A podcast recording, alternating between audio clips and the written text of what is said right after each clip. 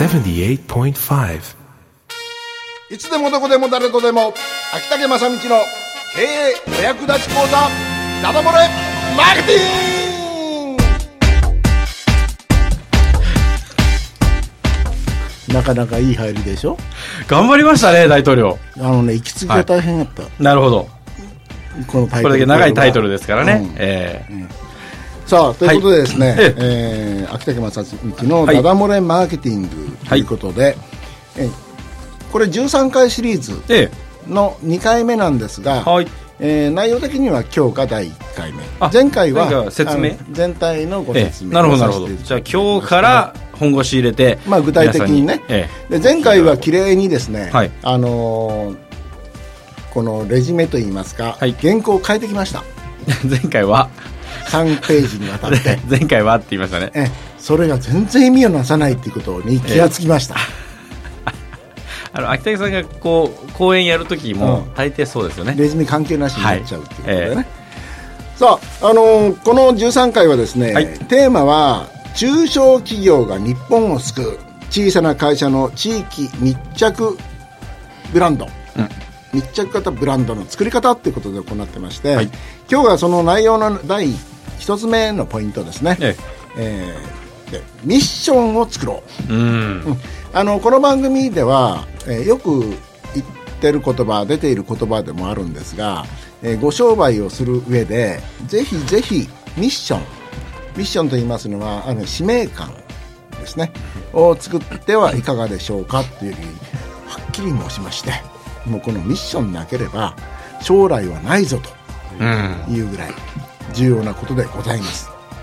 私的には、えーまあ、どんなにそんなに勉あのマーケティングを勉強しなくてもですね、えーこのミッションをしっかりと作ってえー世のお客様世の中に、えー広めるっていうか伝えることができれば、うん。自然とお客様は応援してくれる会社になるというようなふうに思っているぐらいに大切なことだと思ってます今あの、まあ、3.11の震災以降ねあのいろんなあ社会的事業えー復興計画とかそれからえー地域の問題解決あるいは災害に対する、んうんえー準備とか非常に大切だと言われて防災ですうん。ね、うん。そこにやっぱ一番動きやすいのは事業家の方々商売人の方々ということで、えーそれとともにですねもうアジアとかですねその辺りの様子を見てもこれからいろいろ今年で大統領とかいろいろ変わりますけどもまあいろんな経済の仕組みが変わってくるだろうということで大切なのは社会的意義を持った会社が、あるいは事業が非常に大切になってくる。えしかも会社自体がですね最近は年功序列なんか通用しなくなっちゃったねそうですよね。終身雇用もね、怪しいですもんね。うん、大体会社の平均寿命を考えると、うん一生のうち7回ぐらいうん。転職しなきゃいけねえみたいな 会社自体がもうそんな長くないんですね、うん。うん。うんで大きな会社を作る必要なくて、もう小回りの利く会社でやっていけるとかそれから今もうボランティアとかですねそれもサラリーマンの方もやるしちょっと前まではその経営事業経営者がいろんな経済団体とかを通じてやってたりして JC 青年会議所とかねやってたんですがあるいは商店街のものとか、ところが最近はもう学生さんもボランティアそれからサラリーマンもボランティア、その会社とあの垣根がなくなってきているような、ソーシャルメディアって言われるツイッターとかフェイスブックとかもね使われ始めまして。という社会環境の中にあってですねあのー今マーケティング3.0って言われるのがあのコトラーと言われる方学者がアメリカの学者がいますが、はいはいええ。これは社会的企業が大切になりますよって言われてますで社会的意義を持った会社。3.1あごめんなさい、えーマーケティング1.0っていうのが本当に会社主体でねこういう商品作りました。皆さんに買うてください買うてください。でそれが、えー売るのが上手なのが1.0うん。うん。2.0はお客様のことお客様志向ですねお客様に欲しがられるお客様に価値のあるのは何かっていう形でお客様の感情お客様の、えー欲求を満たすような商品の販売の仕方でこれは2.0と言われたんですがこれからは社会的、えー価値を持ったもの企業としてやりましょうということでそこには補助金とかそれからいろんな協賛金とか、いろんな会社からのですね資金援助とこれから来る時代になりますよというその今2.0と3の3.0のちょうど中間ぐらいにいると思っていいと思うんですね。でこの2.0の時はですねあの実際にお客様の、えー欲しがってるものとか、えー上手にお客様感情を理解して売ってコマーシャルやらチラシや作ると売れていったんですがその2.0の時でもですねじゃあよりたくさん売れるのがこのミッションを明確に出すということなんです。今ですねもうマーケティングという言葉も以前は大企業の専売特許でした。大きなお金をかけて CM をしたりでチラシまくりしてもたくさんのチラシを巻いたり、ところがインターネットが発達してこの10年の間に個人企業飲食店でもマーケティングっていう言葉を使い始めたそれも簡単にインターネットを使って個人で起業できる時代になったでしょ？そうですね。双方向できるようになりなりましたね。はい。でマーケティングって言葉が本当一般の違うちっちゃな会社まで非常に降りてきたんですけれどもその中でこれだけマーケティングが流行っている中で流行ってくるといろんな同じようなフェイあのホームページとかそれからチラシとかが非常にテクニックを使ったお客様に動いてもらいやすいチラシが出回ってるわけですね出回ってるだからその辺のテクニックは皆さん身につけてきたんだけどその中でえー本当にお客様からこう信頼を得るまたブランドとして応援したくなる会社ってどのようなものかというとやっぱりミッションがあるかないかだから格調高いね、この番組感情高いでしょ？今 年に入ってからですから。えええでね。なんかおかしなもん食べたんですか？それで今のうちにぜひともですね皆さんミッションに使命感ですを作ってもらいたいんです、これは未来、えー社会的なですね、えー活動というのが、えーやる時代会社としてやる時代になる、NPO であったりそれから社団法人であったり、えーそういう会社がですね要するに社会的なことを問題解決していくっていうことが非常に重要になってくるわけですけどあの特にあの観光協会さんなんかはねはい。と公的なね、お仕事もやられてますんでで一般の民間でもそういうの必要になってくる時代が来ますので今のうちにぜひやった方がいいしぶっちゃけ売り上げとかお金とか話をすれば、社会的なそういうミッションを作った方がお客様も応援しやすくなりますじゃあミッションとは何ぞやと言いますと具体的に言いますとこういうことです。例えば私は干物やジジ屋っていうのをやってます。でそれはジジ屋というのは干物を作ってお客様に売るんですが干物とお金を交換しますね。で干物を食べてもらう。で干物美味しかったねとかあまずかったねとかそういう物とお金の交換ですよね。だから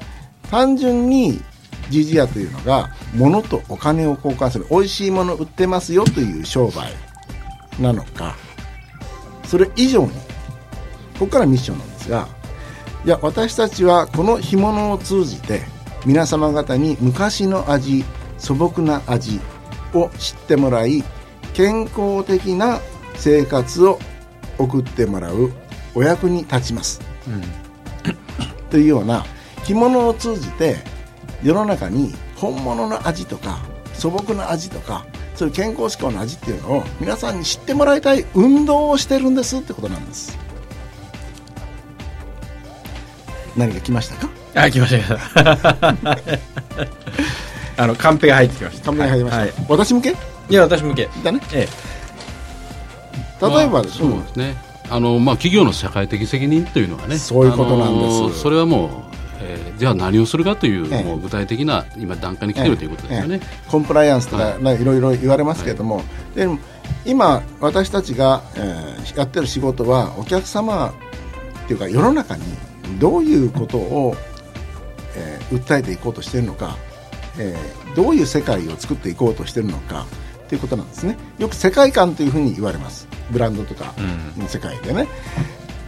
例えばですねこういう会社があります。会社というか協会がですね日本唐揚げ協会っていうのがあるんですね。彼らはもともとこの唐揚げから単に唐揚げの業界団体ではないんですね。ユーザー団体。もともとユーザー団体ですけどそのなぜこれを設立したかというと日本にこんなに素晴らしい唐揚げという文化がある。これは世界を変えると思ってるんです。だから唐揚げ日本の唐揚げが世界を変える。これがミッションです。で今度実はアジアに進出していくんですね。シンガポールとかそういう準備に入ってます。要するに、えー世界中でいろんな宗教の壁がなくて食べていける肉は鶏。その中に日本のいろんな唐揚げ専門店の中のその油であったり粉であったりというその料理のですね技術が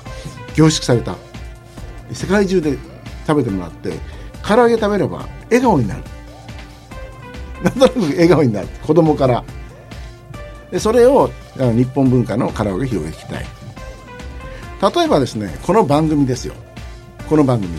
えー1時間半の時間を使っておりますがそれが単に地域情報を流すだけ、だったら地域情報番組ですよね。でも本当にそこにミッションが実は存在するんですね。それは地元地域の商店街活性化により地域の活性化を巻き起こすってミッションがあるんですね。そうです。ええ。冒頭で堂々と言ってますもんね。ねはい。しかもこの関門地区の活性化を巻き起こすのはこの番組、で特に商店街とかの応援します。中小企業の応援しますっていうのがこの番組です、よろしいんじゃないでしょうか。でそういうふうなですねあのミッション自分たちはこの運動を何しようか単に秋竹逆さが2人でベラベラ喋って 自分たちの名前だけ言ってんだったら、ね、誰も応援しないわけですよ、でもそこにいや自分たちはもしかしたらもっともっと本当は上手なこのパーソナリティさんもいるかもしれないしいろんな趣味をお持ちのことかもしれないけれども私たちは私こういう取り合わせだけれども本当にここのこの番組からいろんな人が動いて活性化してっていうことをやりたいんだっていうことなんですね。ですよね。そうです。はい。それはミッションですよ。ミッションですよね組ね。えうん、だから、あのーこれから例えば今商店街のですすねうんアドバイザーを坂さんにやられてますだから職業的に言えばですね商店街コンサルタントじゃないですか、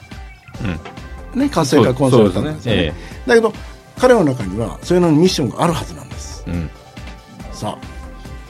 そうです。やっぱ商店街を元気にして、うん。それはやっぱ地域を元気にする。その地域の一番顔になる部分を元気にしていこうと、あそうですね。ええ。本当はそれで、えー可愛いお姉ちゃん見つけようという。あれ？それが本当のミッション。まああの例えばこ紐こになりたいみたいな、ここのこの番組もですね今この番組のこのコーナー、もう実はあのマーケティング情報の番あのコーナーなんです。特にあえて、えー先に、えーミッションっていうものをつけるんですね、これタグラインとかやります。名刺の会社名の上につけたりしますけどもでも中小企業が日本を救う。うん。中小企業が日本を救う。で小さな会社の地域密着型ブランドの作り方要するにこういうふうな作り方があるわけですけどそのなぜやってるかというと今これから世の中が大きく変革していく中でとにかく地元で中小企業が頑張ってまず自分の商売活性化あ儲けを増やして儲けを増やしたらその余力でね地域のことを考えて、それで地域的貢献できるような地域貢献できるようなご商売しましょ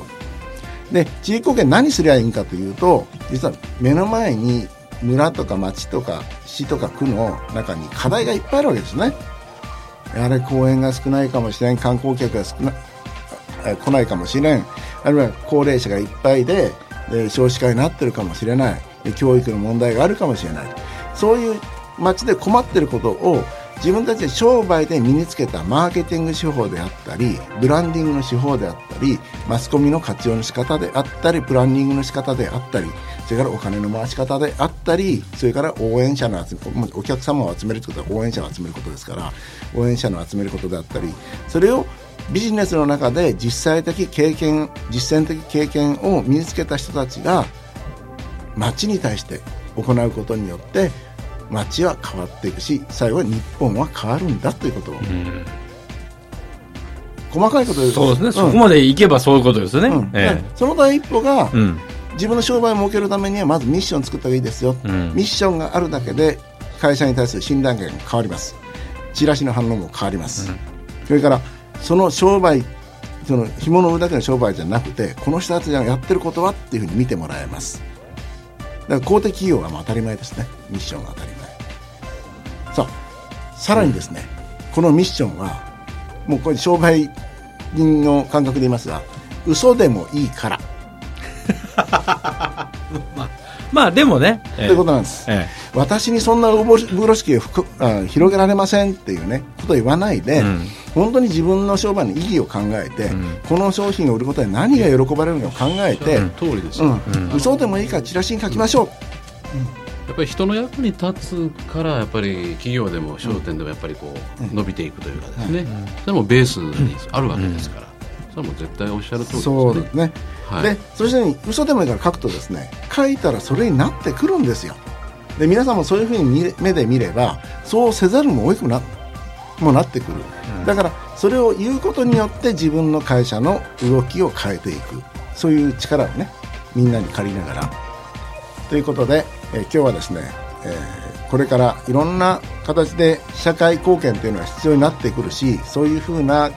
状況日本自体がそういうふうになってきた